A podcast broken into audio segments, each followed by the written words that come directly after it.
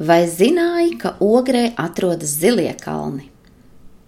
Ogres pilsētas reliefs kopumā ir paugurains. Cauri visai pilsētai stiepjas ogres kangari, kilometriem garas vaļņveida pauguru grēdas, ko ģeologi sauc par osiem. Osi veidojušies ledāju kušanas rezultātā apmēram pirms 12,000 gadu. Tie sastāv no oļiem, grants un smiltīm. Ogres kangariem ir iespaidīgi izmēri. Tie ir ap 25 km gari un augstums ir gandrīz 55 metri virs jūras līmeņa. Atsevišķām pilsētas pauguru grēdām un pakalniem laika gaitā vēsturiski ir radušies dažādi nosaukumi - Viršu kalns, Sietiņa kalns, Saules kalns, Mīlestības kalns, Krēgera kalns, Ķēntes kalns, Sērķīšu kalns un Bāgas kalns, tie ir tikai daži no nosaukumiem. Bet šķiet, ka visatpazīstamākais tomēr būs Ogres zilo kalnu nosaukums. Ogres zilie kalni ir Ostu grēdas centrālā un reliefā visizteiktākā daļa. Par zilo kalnu izcelsmi kāda teiga stāsta par vēlnu, kurš nesis uz Rīgas milšu maisu, bet ceļā piekusis un atgūlies purvainā vietā atpūsties. Bērni, gribēdami vēlnu izmuļķot, izplēsuši smilšu maisam caurumu.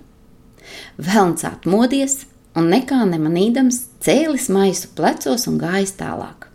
Tās smiltis pamazām izbirušas un izveidojušās ostu grēdas, zilie kalni. Citas teikas stāsta par lielo cilvēku vai milzi, kas no smiltīm uzbēris sev ceļu lai pāri purvam staigājot uz Rīgu pēc saules, nebūtu jāmērcē kājas. Tā kā ceļš bijis garš, atpūtas brīžos milzis mēģis kūpināt pīpi, no kā cēlusies zila dūmaka. Tā radies nosaukums Ogres zilie kalni. Jāpiemin, ka reiz Ogres zilajos kalnos bijis patvērumu pilskalns, kurā cilvēki nedzīvoja pastāvīgi, bet patvērās tikai briesmu gadījumos. Nocietinājumi bijuši vāji veidoti. No vienas puses pilskalna virsma, jeb plakums, bijis atdalīts ar grāvi un valni, bet pretējā pusē pilskalna mala bijusi nostāvināta. Abas pārējās pilskalna nogāzes jau no dabas ir bijušas visai stāvas un augstas, un to papildus nocietināšana nav bijusi nepieciešama. Nekādi senāki atradumi nav iegūti, un pilskalnu iedzīvotāju etnisko piedarību nav izdevies noskaidrot. Vēl interesanti, ka jau kopš 19. gadsimta beigām Ogres iedzīvotājiem un vasarniekiem Zilo kalnu teritorija bija populāra aktivitāšu un atpūtas vieta, bet vēlāk, 20. gadsimta 20. un 30. gados, īpaši slēpošana, kā atpūta brīvā dabā un sporta sacensības veids, Latvijā kļuva ļoti populāra. Ar saukli Dzimtenes ziemā aicina ciemā, simtiem rīznieku brīvdienās devās ne tikai uz tuvējo meža parku, šmerli vai biķerniekiem, bet arī uz tālākām slēpošanas vietām, tostarp ogri. Uz ogri atvizināja regulārie slēpotāju vilcieni. Tie nedēļu nogalēs uz ogri atveda ap 600 līdz 800 slēpotājus. Ogra bija izslavināta kā slēpošanas paradīze. Priedēm apaugušajos pakalnos un pauguros bija iekārtotas ērtas stigas slēpošanai. Zilajos kalnos varēja patīkami izslēpoties arī vējainā laikā, jo meži aizsargāja no asajiem vējiem. Līdztekus slēpošanai ar vien lielāku piekrišanu 1930. gados ieguva lēkšanu no tramplīniem. Latvijā augstākais tramplīns atradās Siguldā, bet vidēji un neliela augstuma lēktuvas bija uzceltas vairākās Latvijas pilsētās, arī Ogres zilajos kalnos.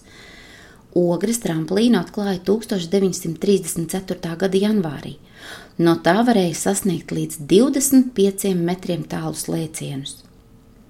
Pēc otrā pasaules kara lēktuvi zilajos kalnos vairs neatjaunoja, taču slēpošanas tradīcija ogrē ir saglabājusies slēpot un citādi aktīvi atpūsties gribētāji uz ogres zilajiem kalniem ierodas gan ziemā, gan vasarā.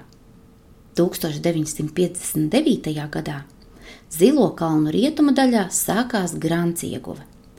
Pēc grants iegūs pārtraukšanas 2003. gadā karjera vieta 20 hektāru platībā pakāpeniski aizpildījās ar pazemes ūdeņiem, un šeit izveidojās Dubkalnu ūdenskrātuve, kas gan vasarās, gan ziemās vilina peldētgribētājus. Kopš 2004. gada dabas parks Ogres Zilie kalni ir īpaši aizsargājama dabas teritorija 312 hektāru platībā, kur meža takas aizved līdz virsmu kalna 30 metriem augstajam skatu tornim, kur uzkāpjot var saskatīt Rīgas aprises un Zaķu salas televīzijas torni.